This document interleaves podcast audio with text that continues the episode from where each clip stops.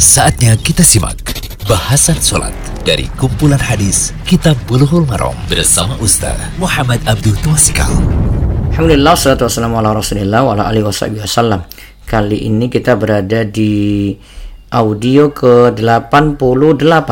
Kali ini pembahasan terakhir, hadis terakhir dari kitab Bulughul Maram, ya, pembahasan sholat, Babul Masajid. Babul Masajid, hadis terakhirnya yaitu hadis 266 yang kita kaji kali ini di audio 88. Penting bahasanya itu tentang sholat tahiyatul masjid. Hadisnya hadis 266 wa an Abi Qatadah radhiyallahu anhu qol qala Rasulullah sallallahu alaihi wasallam idza dakhala ahadukumul masjida fala yajlis hatta yusalli rak'ataini muttafaqun alaih dari Abu Qatadah radhiyallahu anhu ia berkata, Rasulullah shallallahu alaihi wasallam bersabda, apabila di antara kalian masuk ke dalam masjid, maka janganlah ia duduk hingga sholat dua rakaat. Mutafakun alaih. Hadis ini diriwayatkan oleh Bukhari dan Muslim.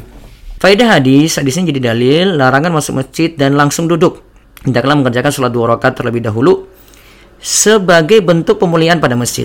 Karena kita tahu ya, orang yang masuk ke suatu kaum saja ada salam penghormatan. Masjid pun demikian adanya. Faedah kedua, jumhur ulama atau kebanyakan ulama ya menghukumi sholat tahiyatul masjid itu sunnah bukan wajib. Terus yang ketiga, masuk ke masjid di waktu terlarang tetap dianjurkan untuk sholat tahiyatul masjid. Ya, inilah pendapat terkuat dalam mazhab Syafi'i dan salah satu pendapat dari Imam Ahmad. Pendapat ini dipilih oleh Ibnu Taimiyah dan juga muridnya Ibnu Qayyim rahimahumullah. Kemudian faedah yang terakhir, jika masuk masjid berulang kali, ya, tetap dianjurkan sholat tahiyatul masjid berulang kali pula. Imam Nawawi rahimahullah mengatakan, ya beliau itu katakan, wa huwal aqwa wal akrab li zahiril hadis. Ini adalah pendapat aqwa lebih kuat dan akrab lebih tepat karena melihat zahir hadis, tekstual hadis.